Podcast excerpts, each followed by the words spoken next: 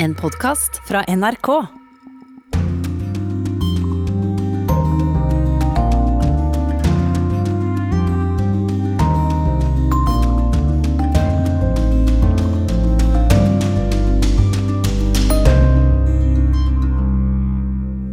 Helsearbeidere i flere land trues av rasende pårørende som har mistet en av sine nærmeste pga. covid-19. Årsak til vold mot helsearbeidere er frykt. Flere land trenger en Nakstad som kan roe ned befolkningen, sier Leger uten grenser. Paven besøker Irak for første gang. At pave Frans kommer til Irak etter de grusomme IS-årene som tvang så mange kristne på flukt, betyr mye. First of all, the solidarity with the Iraqi people. På 1990-tallet ble flere tusen kvinner tvangssterilisert i Peru. Nå krever ofrene rettferdighet. Kvinnene som tilhører urfolket i Andesfjellene i Peru, ble fortalt at de nyfødte barna deres ikke kom til å bli registrert, ikke ville få fødselsattest, hvis mødrene ikke lot seg sterilisere. Og økende frykt for kollaps i helsevesenet i Brasil stanser ikke partykulturen i landet.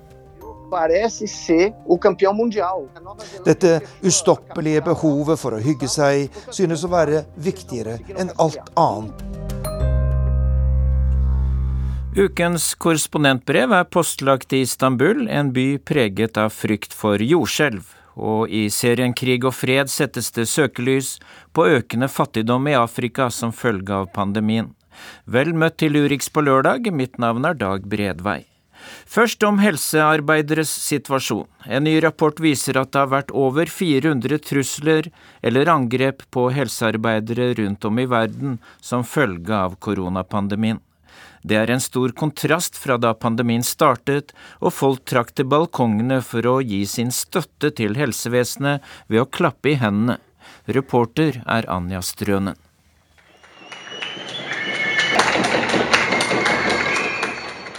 Dette her startet i Italia.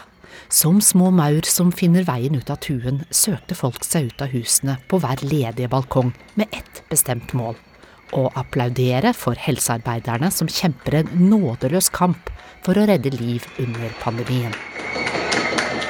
Og på sosiale medier har vi sett klappevideoer fra hele verden, gjerne illustrert med bilder fra sykehus, hvor leger og sykepleiere er takknemlige for støtten fra folket. Vi er mange som har trodd at denne rungende applausen er virkeligheten de hvite heltene møter verden over. Det trodde også doktor Rohani har. Happen. My hypothesis was that during COVID, everyone's going to rally around health workers. For instance, what you saw in New York or in Italy, where people were clapping for healthcare workers. But actually, that didn't happen. In many, many places, there's actually more fear, more distrust, and, uh, and attacks grew rather than decreased. Min hypotese var at alle samlet seg rundt helsearbeiderne under koronapandemien. Istedenfor er det blitt mer frykt, mistillit og konkrete angrep mot helsearbeidere, forteller doktor Rohani Har i dette intervjuet med nyhetsbyrået Ap. Hun jobber både som lege på legevakten i California og forsker og foreleser ved Berkeley University. Sammen med det Genéve-baserte firmaet Insecurity Insight har hun forsket og kartlagt situasjonen for helsearbeidere under pandemien. Resultatet er langt fra lystig lesning. Det har vært over 1100 angrep eller trusler mot helsevesenet det siste året. Minst 400 av de knyttes til koronapandemien. Doktor Har forklarer. There were a lot of phase one attacks where uh, people were afraid of getting COVID from health workers. And there's actually been a lot of phase two attacks where there was frustration about treatment or not getting treatment, um, about the stigma of being diagnosed. Folks frykt for smitte, misnøye med behandling eller stigmaen over å få en koronadiagnose har altså gått direkte utover mange sykepleiere og leger over hele verden. Og de har opplevd det meste. Å få kastet varm kaffe på seg etter en vakt, at noen har smadret frontruten på bilen deres, de har fått både muntlige trusler og blitt angrepet. I Nigeria synger nå folk for å få en stopp på denne elendigheten. Solidaritet for alle synger folk i gata i Nigeria. I hendene holder de plakater hvor det står sykepleiere må respekteres både av pasienter og slektninger, og angrep på sykepleiere er kriminelt. Dette skjer etter at en koronapasient døde i forrige måned, og slektningene gikk til angrep på sykepleierne. The day, De slo to sykepleiere slik at den ene knakk kragebeinet, og den andre havnet i koma, forteller Felix Orobode fra Sykepleierforeningen i Nigeria på en skurrete linje til nyhetsbyrået Ap. Dermed måtte behandlingen av koronapasienter på sykehusene her stoppe opp i flere dager for å sikre de som jobber der. Så langt er over 2,5 millioner døde av koronaviruset. Flere tusen var helsearbeidere. Lindis Hurum, du er i Sierra Leone i Vest-Afrika på oppdrag for Leger uten grenser som prosjektleder. Du har også erfaring fra da det var ebolautbrudd i flere afrikanske land. Og hva er din reaksjon på vold og trusler mot helsearbeidere i flere land nå? det er veldig opprørende å høre denne reportasjen. Eh, det er eh, også veldig trist å høre at de som jo ikke ønsker noe annet enn å gi omsorg eh, og livreddende hjelp, eh, blir eh, utsatt for den type angrep, er jo uakseptabelt. Vi Leger uten grenser har også opplevd det tidligere, men jeg må også få lov å si at vi aller mest opplever svært takknemlige pasienter og pårørende. Men i epidemisituasjoner som covid, og kanskje enda mer tydelig med ebola, så er det forbundet med såpass mye frykt. Det er et virus som er veldig skremmende, eh, og som gjør at eh, hvis man ikke kommuniserer og oppnår tillit med de som rammes, så, så kan den frykten gå over i sinne. Og hvis du da også mister noen du er glad i og ikke helt forstår hvorfor, eller er veldig frustrert eh, over hvordan eh, myndighetene håndterer dette, så er det kanskje enklest å la den frustrasjonen gå utover den som står nærmest, som da er helsearbeideren. Vi hører at sykepleiere f.eks. i Nigeria og Mexico krever bedre sikkerhet. Etter det du sier nå, så er det ikke flere sikkerhetsvakter og politi på sykehusene som er løsningen? Nei, tvert imot. Eh, det tror jeg ville eh, være å, å gjøre det enda verre. Det vil ikke, jo ikke øke tilliten, som er det som vi må jobbe med. og Dette så jeg veldig tydelig da jeg var i Kongo under ebolaepidemien der i fjor. Eh, hvor jo eh, hele den humanitære responsen var eh, militarisert. Med, hvor det var regelen at det var væpna vakter rundt vaksinasjonsposter rundt behandlingssenteret. Eh, og når man gjør det en, eh, blant en befolkning som i årtier har levd under krig og konflikt, og hvor de jo absolutt ikke har noe tillit til væpna styrker, så vil jo det gjøre det enda verre hvis eh, også sykehus og helsearbeidere blir forbundet med, med en konflikt eller med væpna styrker. Så det tar jo vi i Leger uten grenser helt sikre på ikke er veien å gå, nei. Men hva kan løsningen være for disse helsearbeiderne som er redde, de krever bedre beskyttelse? Ja, det forstår jeg veldig godt at de er redde, og det, sikkerheten deres må jo også ivaretas. Eh, men vi må eh, flytte problemet dit det hører hjemme, og det er nok de øverste ansvarlige i, i, de respektive landene. Som da ikke greier å håndtere pandemien på en god nok måte. Ikke greier å vinne tillit til befolkningen, ikke informerer. De har ingen Nakstad som beroliger og forklarer eh, hva det er som skjer, og hvorfor det skjer, men kanskje heller det motsatte, som vi jo ser i land som i Brasil, hvor hvor, eh, hvor, det ikke innrømmes at det er et problem. Eh, og det gjør det jo da også verre for de som står i førstelinjen. Så i land hvor jeg har jobba, er jo tilliten til eh, myndighetene ofte tynnslitt, og i andre tilfeller ikke-eksisterende. Så mm, problemet ligger jo ikke i, hos helsearbeiderne, det ligger hos de som er ansvarlige. Helt til slutt, hvilke erfaring tar du med deg fra tiden med ebolautbrudd til jobb med pandemien nå? Det er mange, mange, lærdommer å ta med seg fra, fra, tidligere epidemier. Eh, det ser jeg jo også at de lokale myndighetene gjør her. Det eneste som er eh, bra med å ha gjennomlevd en eh, alvorlig krise, er at da vet du litt bedre hvordan du skal reagere neste gang. Så vi lærte jo to hoved, hovedting fra forrige gang i epidemien, og som også absolutt er gjeldende for covid, og det er eh, å ta med befolkningen. Eh, i den responsen, i kommunikasjon, eh, lytte til dem, involvere de, eh, for det er de som skal stoppe transmisjonen. Det er ikke vi helsearbeidere, og, hvis, og da må de forstå hva, hvorfor de skal gjøre det vi ber dem om å gjøre.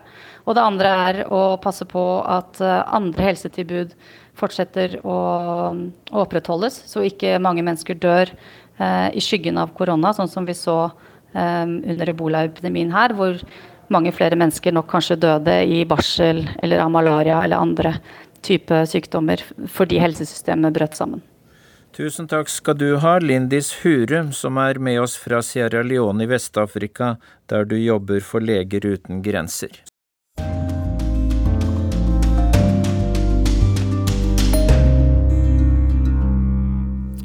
Pave Frans er i Irak. Det er første gang noensinne en pave besøker Irak, et land som er viktig for kristendommen.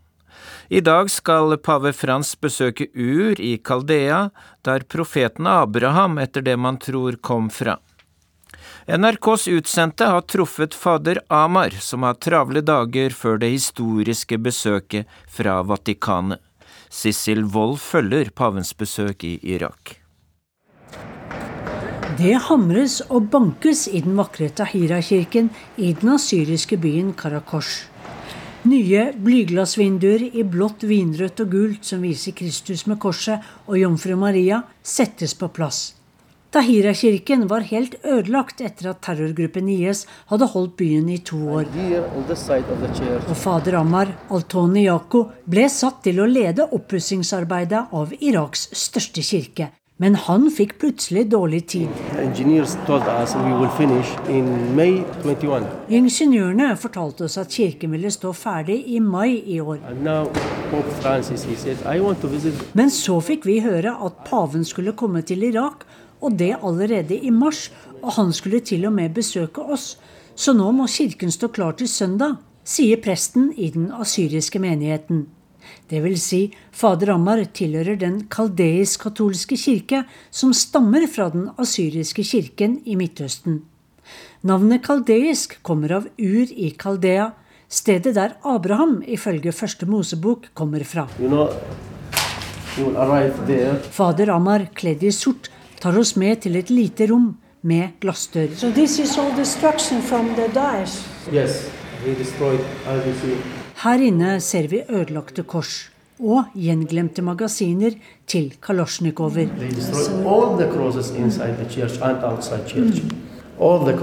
De ødela alle korsene i kirken, alle sammen.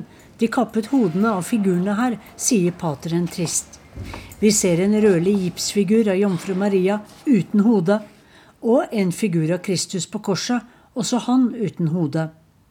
Men fra terrorgruppen IS halshugget rett og slett de kristne figurene, og også statuer.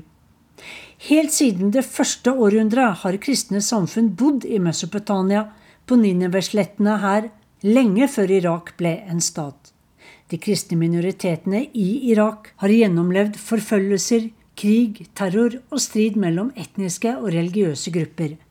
Før den USA-ledede invasjonen bodde 1,3 millioner kristne i dette landet. Nå er muligens tallet på kristne irakere et sted rundt 300 000. At pave Frans kommer til Irak etter de grusomme IS-årene som tvang så mange kristne på flukt, betyr mye. Paven sa noe veldig viktig. Han vil vise solidaritet med hele det irakiske folket Se deres lidelse og smerte gjennom mange år med krig. Det betyr mye for alle irakere, og spesielt for oss kristne.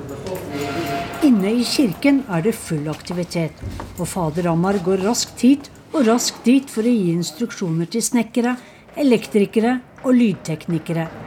En nonne og tre menn henger opp plakater der pave Frans ønskes velkommen på arameisk, språket Jesus snakket, som er morsmålet i denne byen.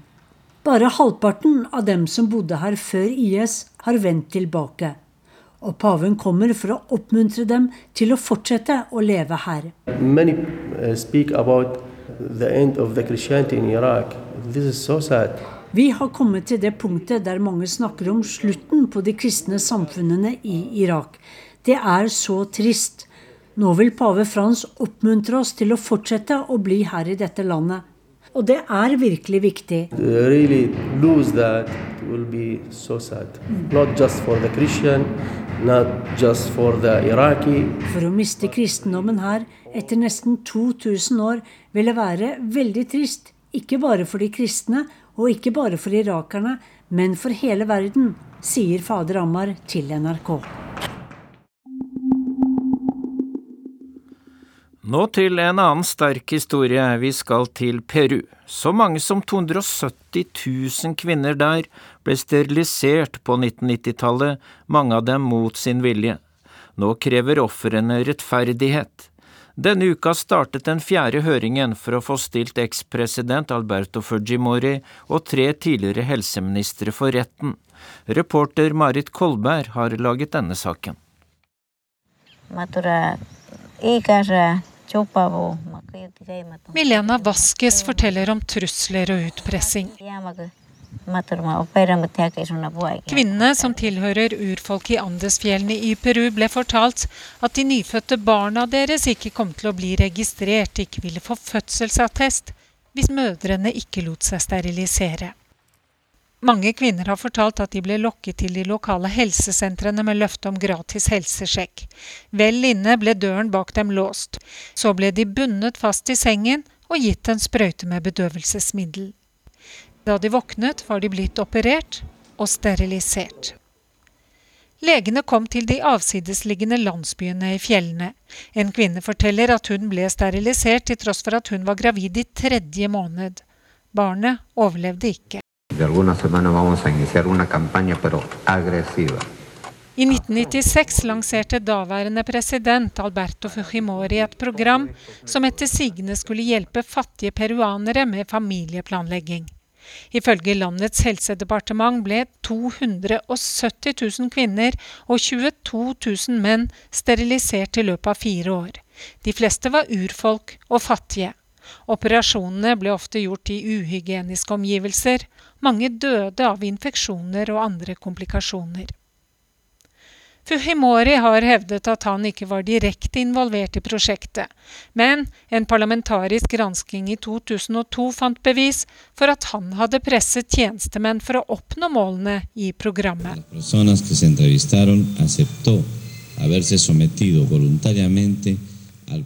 Daværende helseminister Fernando Carbone satt sammen med en talskvinne for ofrene da rapporten ble lagt fram. Nå er det altså snart 20 år siden landets myndigheter selv konkluderte med at det som skjedde var et overgrep i stor skala. Veien fram til dagens høring har vært lang. Det sier Jemima Garcia Godos. I flere omganger så har menneskerettighetsorganisasjoner og ofrene prøvd å fremme denne saken. Tre ganger har, har den blitt avslått siden begynnelsen av 2000-tallet hittil. Hun er professor i samfunnsgeografi ved Universitetet i Oslo. Disse ofrene var ikke nødvendigvis dårlig organiserte, men ikke organisert i det hele tatt.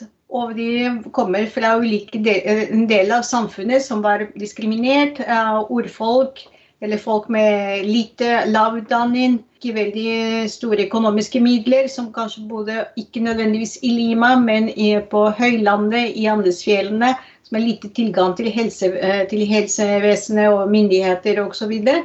så det var mm, veldig lett gjort å overse dem, for å si det på en måte. En av årsakene til at det har tatt så lang tid, er at påtalemyndigheten flere ganger har bedt om flere bevis.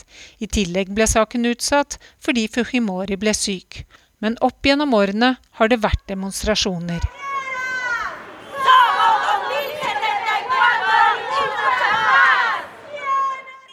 De krever erstatning.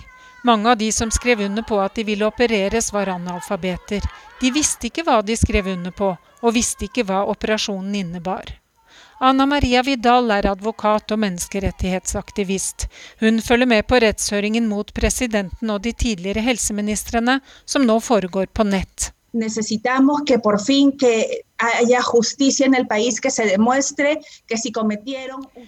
er viktig å få fram hva mektige mennesker gjorde mot disse fattige folkene som ikke kunne lese, sier hun til nyhetsbyrået Ap.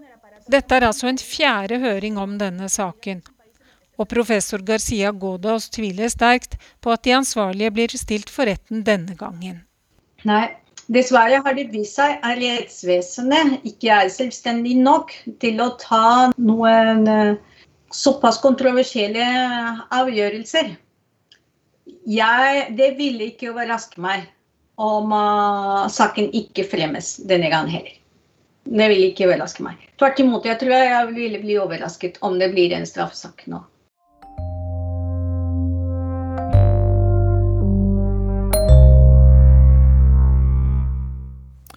Vi, vi, holder oss i Sør-Amerika litt til. I Brasil er koronasmitten ute av kontroll, med de høyeste dødstallene under hele pandemien. I 17 av landets 27 delstater er det kritisk mangel på sykehussenger. Vår medarbeider Arnt Stefansen har sendt oss denne reportasjen fra Rio de Janeiro. På promenaden langs den berømte Copacabana-stranda er det mye folk selv om Rio de Janeiros ordfører har innført noen av de strengeste smittetiltakene under hele pandemien.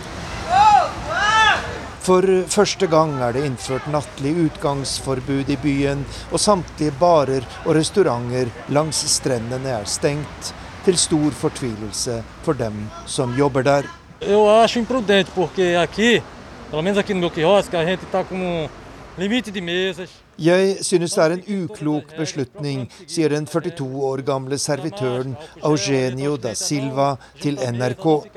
På dette spisestedet har vi strenge smitteverntiltak med avstand mellom bordene. Nå står jeg uten inntekt med en familie å forsørge, og aner ikke hvordan jeg skal klare meg, sier han. Koronasmitten har eksplodert her i Brasil de siste ukene. Og årsaken er ikke vanskelig å få øye på. I et stort restaurantområde i bydelen Leblon her i Rio er det tettpakket med folk. De aller fleste uten munnbind. Sommermånedene januar og februar er den viktigste ferietiden i Brasil, og folk har latt sikkerhet være sikkerhet og stimlet sammen på strender og andre hyggelige møtesteder. De siste dagene har tallet på koronadøde vært de høyeste under hele pandemien, og reaksjonene er sterke. É, imagina você ligar a televisão um dia na CNN e ver que cinco aviões Forestill deg at du slår på TV-en og får høre at fem store passasjerfly med til sammen 1500 mennesker om bord har styrtet her i Brasil, sier professor i nevrovitenskap Miguel Nicolelis til CNN. Tenk deg hvilken enorm oppsikt det vil vekke. Nå dør omtrent så mange hver dag av covid-19, og likevel fortsetter store deler av befolkningen å bryte smittereglene, sier han. Eu lamento dizer que o Brasil parece ser o campeão mundial. Jeg beklager å måtte si at Brasil synes å være verdensmester på dette området, sier den kjente eksperten. Dette ustoppelige behovet for å hygge seg synes å være viktigere enn alt annet, sier han. Men han gir også landets president Jair Bolsonaro en stor del av skylden for problemene. Presidenten kom denne uken med nye angrep på smittetiltakene. Hvor lenge skal vi gråte? Vi må løse problemene. Vi må droppe denne politikken med å stenge ned alt. Folket vil jobbe. Vi skal bekjempe viruset, men ikke med uvitenhet og dumhet, sier president Jair Bolsonaro. Samtidig er mangelen på vaksiner et stort problem her i Brasil. Houve uma completa falta de organização do Ministério da Saúde det var en fullstendig mangel på organisering i Helsedepartementet, sier smittelegen Alexandre Barbosa. Landets regjering greide ikke å skaffe seg avtaler med de viktigste vaksinekandidatene, og til nå har bare drøyt 3,5% av Brasils befolkning fått den første dosen, sier smitteeksperten til NRK.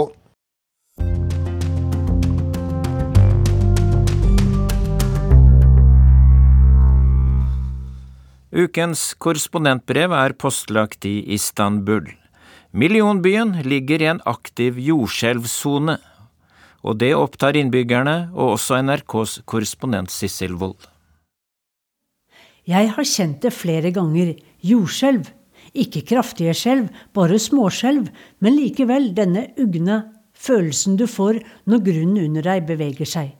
Eller når gulvet i leiligheten her i Istanbul vibrerer svakt, og jeg stirrer stivt ut i rommet og lurer på hva som kan skje de neste sekundene. Hva har moder jord bestemt seg for nå? Vil hun skake og riste oss litt? Her i Istanbul venter vi alle på det store skjelvet. Akkurat nå, mens jeg sitter og skriver dette brevet, kjenner jeg det igjen. Gulvet vibrerer svakt. Er det et forskjelv før det store skjelvet? Nei, nå ga det seg. Kanskje var det bare en tung lastebil som kjørte forbi der nede på veien. Eller vinden som rev litt ekstra her oppe i femte etasje. Istanbul ligger i en jordskjelvsone. Geologene sier at det store skjelvet kan komme når som helst.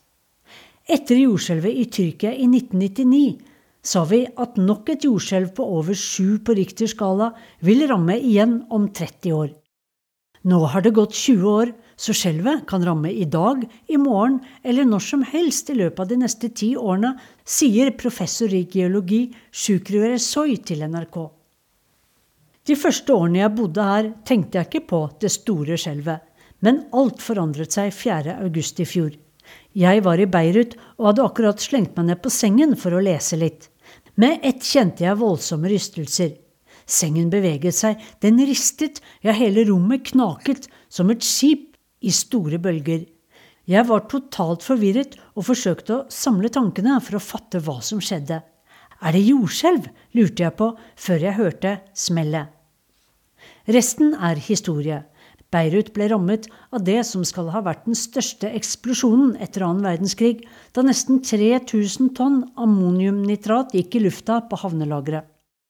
Ukene gikk, og jeg fikk eksplosjonen i Beirut på avstand. Men selv om hjernen tenkte på andre ting, var det som om kroppen ikke glemte forvirringen og frykten.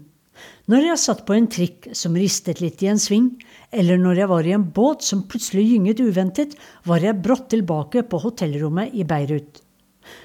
Da den tyrkiske kystbyen Ismir ble rammet av jordskjelv 31.10 i fjor, ble alle istanbulere igjen minnet kraftig om det varslede store skjelvet. Og alle vet hva som kan skje. I 1999, da Ismit innerst ved Marmarahavet ble rammet av jordskjelv, skjedde det klokken tre om natten. Skrekkslagne mennesker våknet brått da verdenen deres raste sammen i nattemørket. Det skjelvet målte 7,6 på Richters skala. 112 000 bygninger kollapset, og 17 000 mennesker omkom.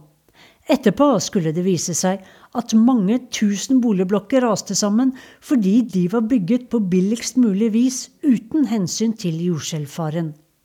Byggherrene hadde blandet sjøsand og småskjell inn i betongen. I rettsoppgjøret etterpå ble entreprenørene pekt ut som skurkene, ja, til og med som drapsmenn. Jeg er ikke så redd for skjelvet som jeg er for boligblokkene.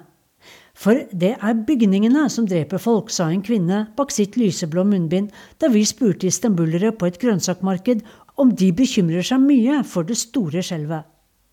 Alle tenker på det, men ingen kan gjøre noe med det. Det beste mot bekymring er uansett mer kunnskap. Så vi, fotografen og tolken og jeg, oppsøkte geologiprofessor Shukru Ersoy. Han viste seg å være en svært imøtekommende og godlynt akademiker. Som vår egen Espen Rostrup Nakstad formidlet også han sitt alvorlige budskap på beroligende og pedagogisk vis. Det mest sannsynlige scenarioet er at opp mot 30 000 bygninger vil kollapse, og at et sted mellom 75 000 og 150 000 vil omkomme. Men om skjelvet rammer om natten, kan vi se dødstall opp mot 450 000 mennesker. I en by med over 16 millioner må vi regne med disse tallene om et jordskjelv på over sju på Richters skala rammer oss, sa professoren.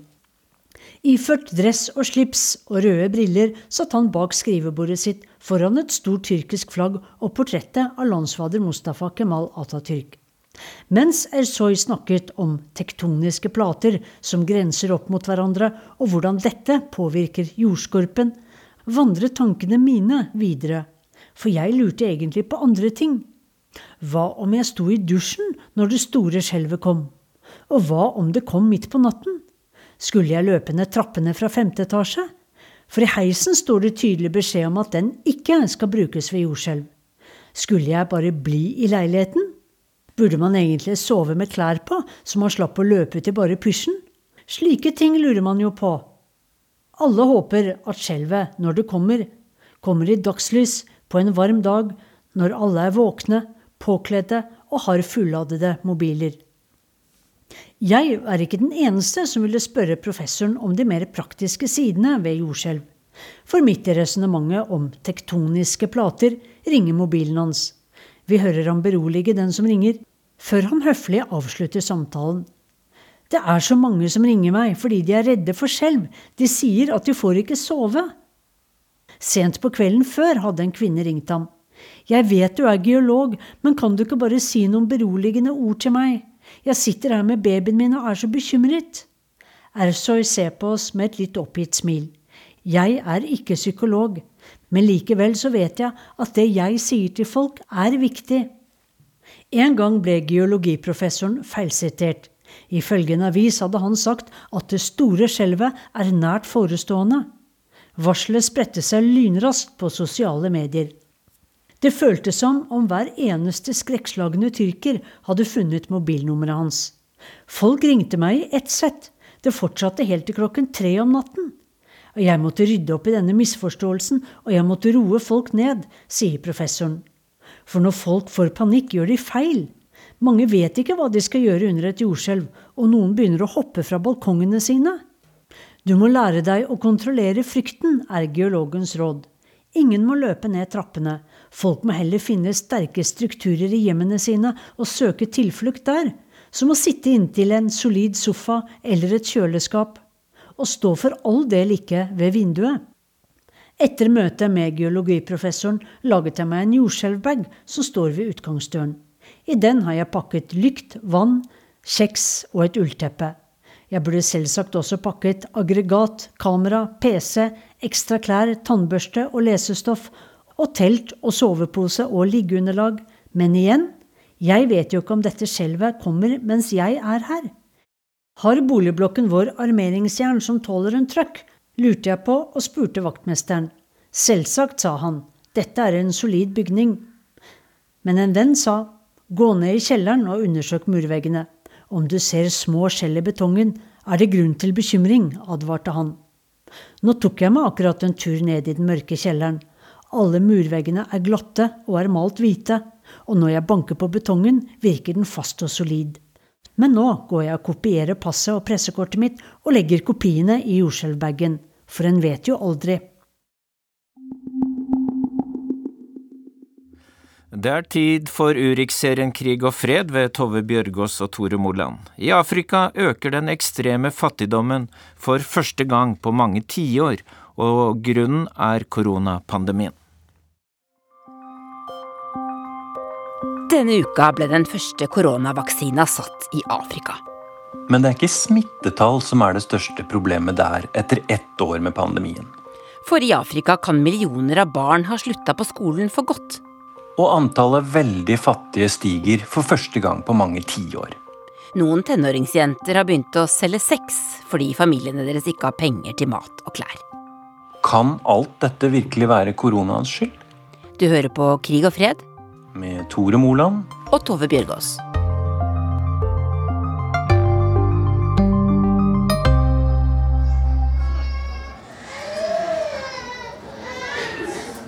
Jeg må si jeg ble temmelig overrasket da jeg kom til Malawi. Jeg kom ut i et område hvor i løpet av en dag der talte jeg med 15 teenagepiger, som var blevet gravide eller allerede havde fået et barn. Øh, og det var altså sket siden skolerne lukkede ned i Malawi tilbage i marts måned sidste år.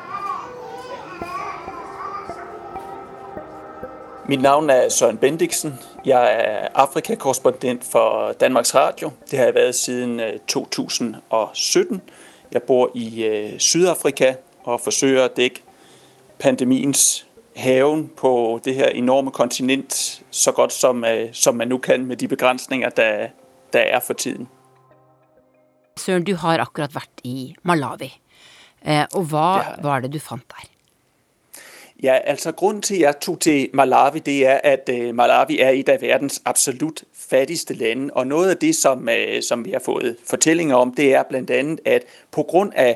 Uh, covid-restriksjoner, altså skolelukninger, folk der mister deres arbeid osv., så, er antallet av teenagepiger der blir gravide, steget ganske betraktelig. Og Det var grunnen til jeg tok til Malawi, fordi man kan si det er noe av det som, som man i utviklingspolitikker i mange mange år har kjempet for at piger skulle bli gravide senere, de skulle måske få færre børn, de skulle få færre fødselskomplikasjoner, de skulle få en bedre uddannelse, så de kunne få en bedre økonomi. Så det er liksom hvis det begynte å gå den andre veien, så var det dessverre et øh, for meg meget, meget tydelig tegn på mange av de øh, side effects der er ved, øh, ved pandemien.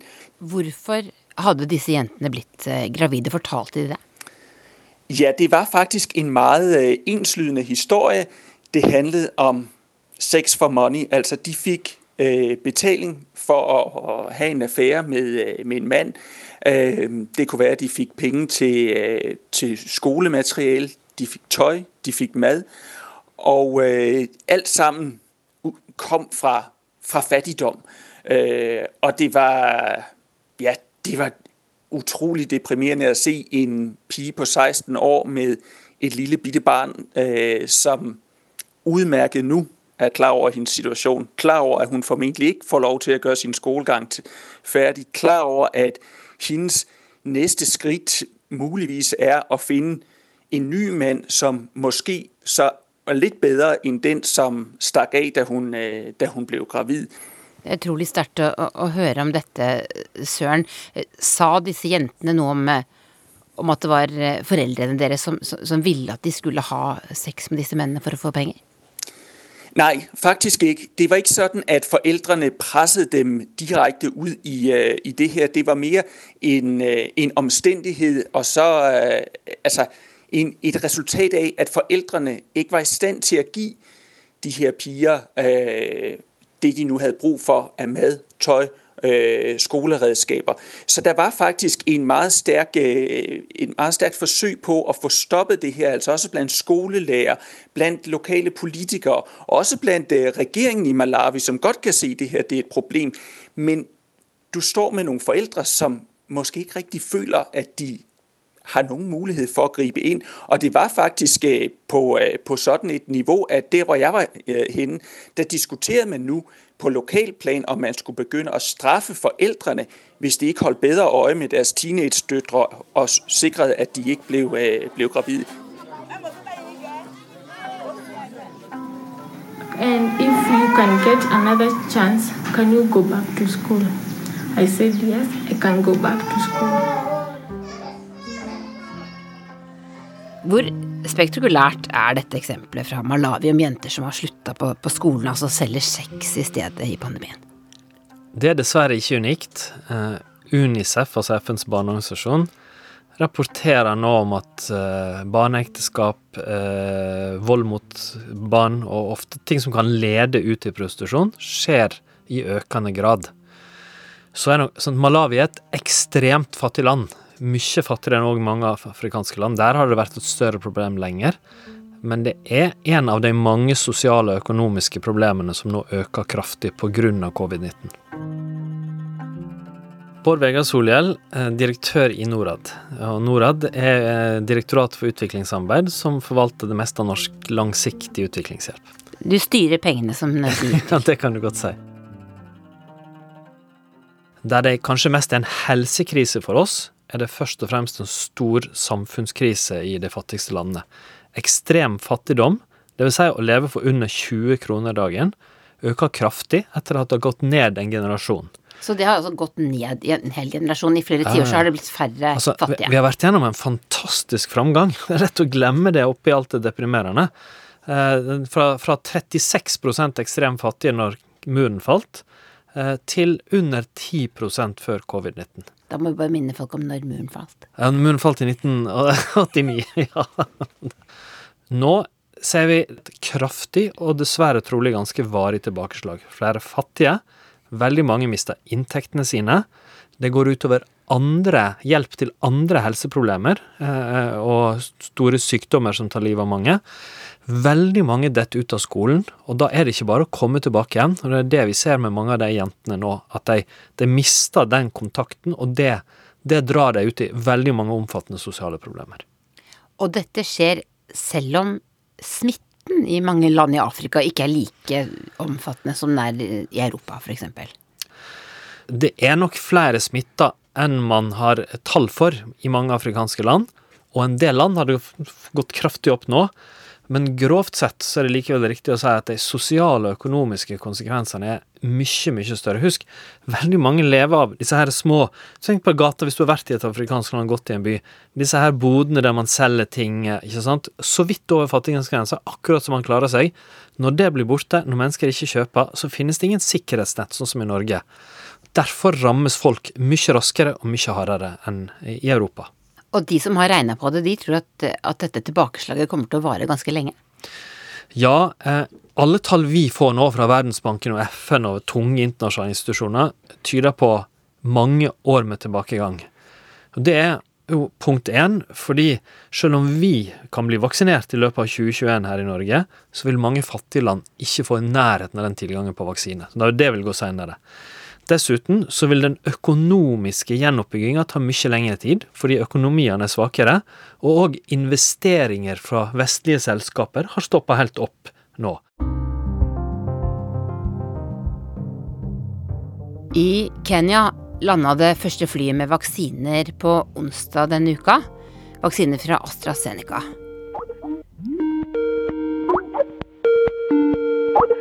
Rachel, or how do you pronounce it? It's Rachel, right?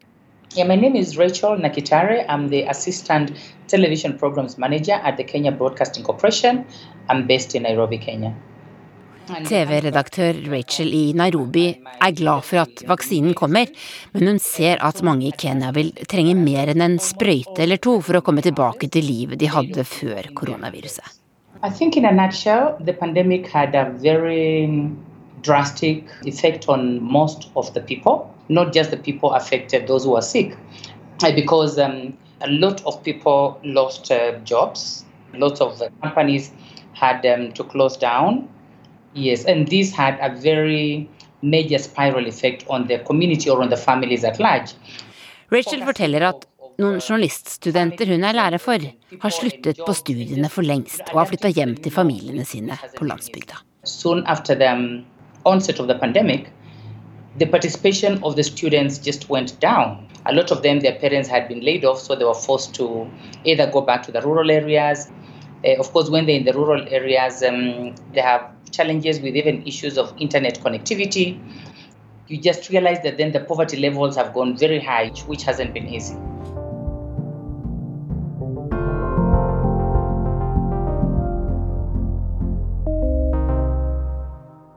En annen ting som, som har Eh, har skjedd, er jo at veldig mange mister jobbene sine i, i mange land. Men det er jo også veldig mange i f.eks. Afrika eh, som jobber i, et annet land enn mm. der de kommer fra. Eh, og hva skjer da med, med de pengene som, som, de pleier å sende hjem? Det er faktisk sånn at summen av alt det som folk som har innvandra til Norge og andre land sender hjem, er mer enn det næringslivet samla sett investerer, og mye mer enn bistanden. Det har jo òg gått ned, sant? fordi mange i f.eks. vestlige land eller i Sør-Afrika har fått mindre penger. Og Dermed så er det mange familier som òg mister det som kanskje har vært en viktig del av levebrødet deres.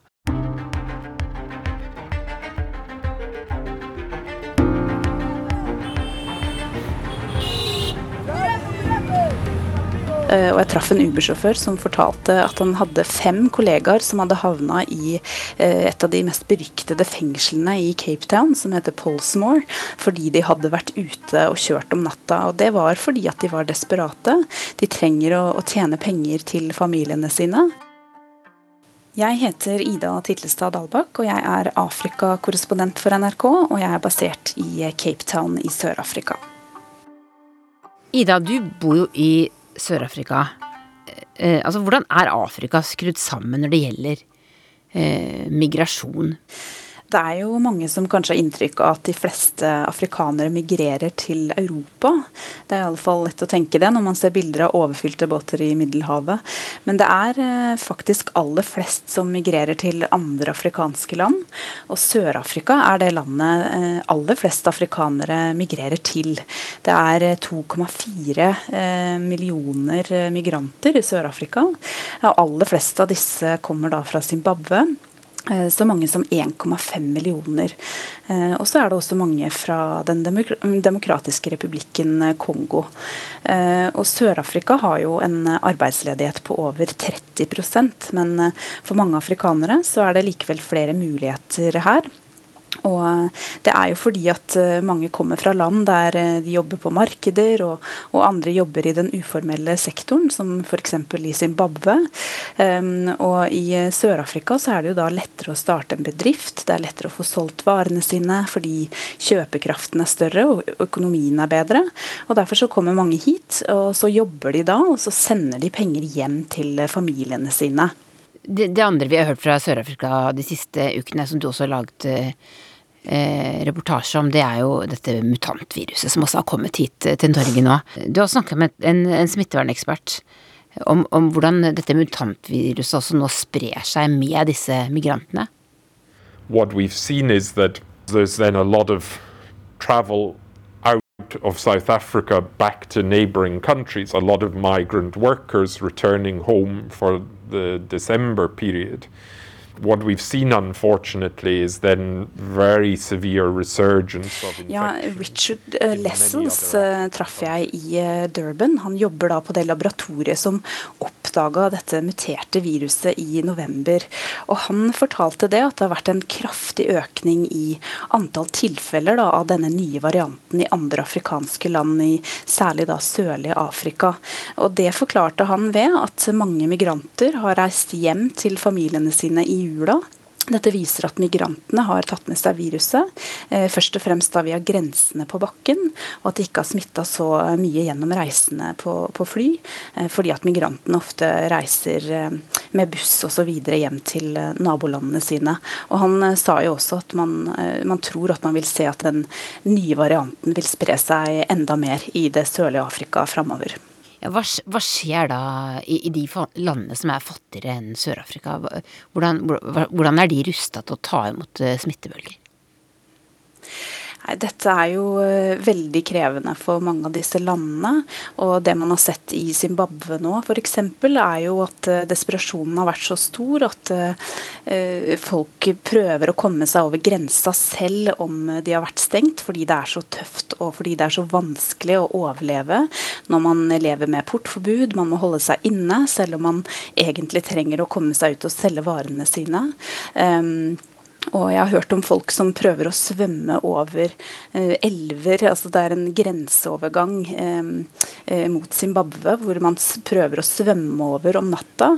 Hvor det er krokodiller i elva, og folk trosser altså store farer for å prøve å komme seg til et land der ting fungerer noe bedre. So we are after the 15th of February, next month, yeah? Det man har sett på grensa til Sør-Afrika, er jo at det har vært 20 eh, km lange køer av eh, alt fra liksom mødre med barn til gamle og, og, unge som har vært desperate etter å komme seg inn i Sør-Afrika fordi man har innført eh, portforbud og det har vært vanskelig i nabolandene. Og Vi så jo på denne grenseovergangen som heter Lembobo i Mpumalanga, der på grensa mellom Mosambik og Sør-Afrika, at det var fæle forhold. Ingen brukte maske, ingen holdt avstand, toalettene så forferdelig ut. og Man klarte ikke å teste nok, og, og likevel så sto folk her flere dager i kø da, for å komme seg over. Og så på et tidspunkt så stengte man grensene fordi at det var såpass kaotisk.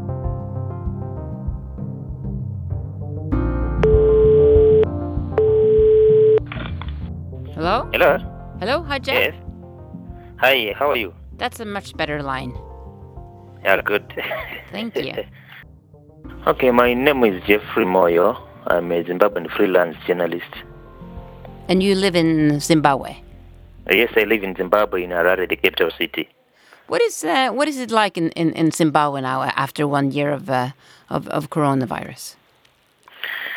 Uh, so many people have lost their jobs because of uh, a series of company closures. So many companies have closed down, and many people did not go back to their jobs, and it means the poverty is knocking on their doors. I Harare i Zimbabwe sitter frilansjournalist Jeff på hjemmekontoret sitt og bekymrer seg for framtida. Det sto ikke bra til på arbeidsmarkedet i hjemlandet hans før koronaviruset heller. Den offisielle arbeidsledigheten i Zimbabwe var på 90% forteller Jeff. Det er fordi de fleste har strøjobber i Zimbabwe og prøver å tjene litt penger der de kan. Og det er ikke så lett nå. You discover that most of the people have turned into vendors in Zimbabwe. They've turned into, into traders. Each and every individual is selling something to someone. And that, that is the informal sector. What about um, actual virus and, and vaccines? How are people feeling about that? People do not trust the Chinese vaccine. You should remember that China donated uh, 200,000 uh, jabs of the vaccine, Sinopharm vaccine, which it donated to Zimbabwe. Uh, but uh, ordinarily, Zimbabweans do not trust this this vaccine. They think China is trying to carry out some kind of experiment with our with with people's lives in Zimbabwe. Jeff forteller at Kina har gitt 200 000 doser av sin vaksine til Zimbabwe, men at mange han kjenner er skeptiske og tror kineserne vil bruke dem som en slags forsøkskaniner. Selv vil han gjerne ta vaksine, for at livet skal bli litt lettere for ham og familien. What about your family? Have they all been spared? My my wife is at home. She's no longer going to work because of coronavirus. We are not sure if she will be hired again. Sounds hard. It's, it's, it's a bit hard. We're just holding up. Yeah, yeah, I, I understand that.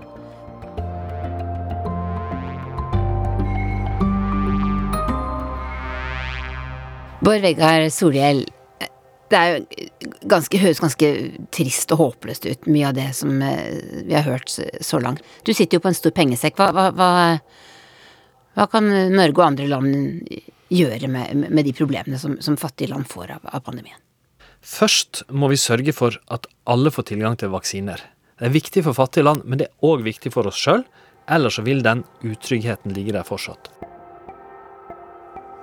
It's important that I set the example that this vaccine is safe by being the first to have it, so that everybody in Ghana can feel comfortable og de første vaksinene kom til Afrika denne uka. Ja, det er riktig. Ghana og Elfenbenskysten eh, fikk vaksiner. Presidenten i Elfenbenskysten, nei, Ghana, unnskyld, er vaksinert nå. Eh, Kenya og Nigeria står for tur.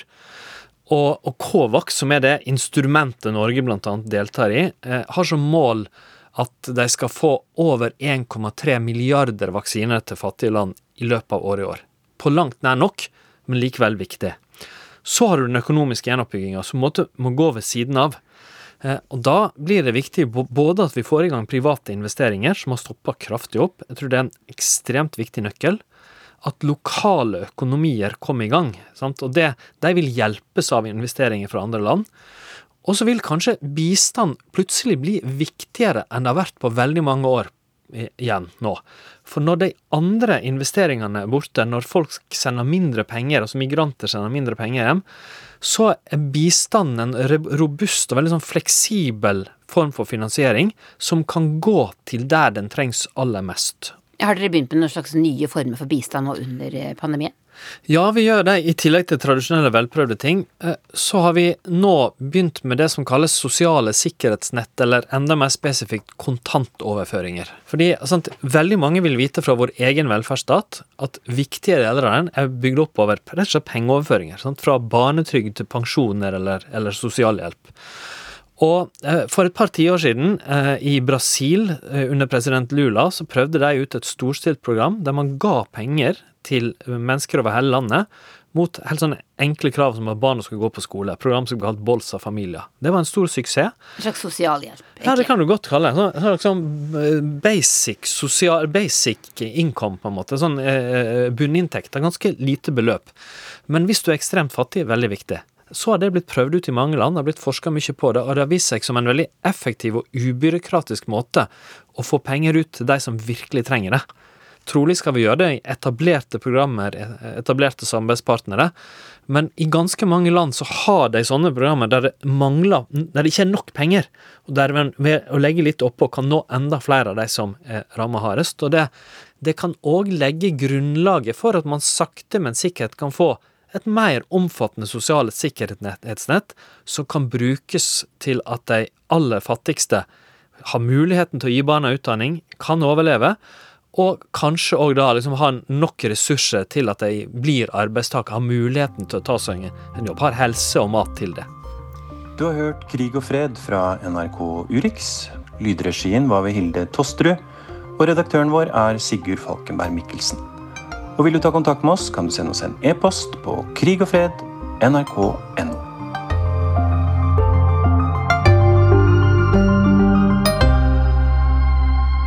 Og med det er Urix på lørdag straks slutt. Teknisk ansvarlig Lisbeth Sellereite, produsent Tonje Grimstad og jeg, Dag Bredvei, takker for følget.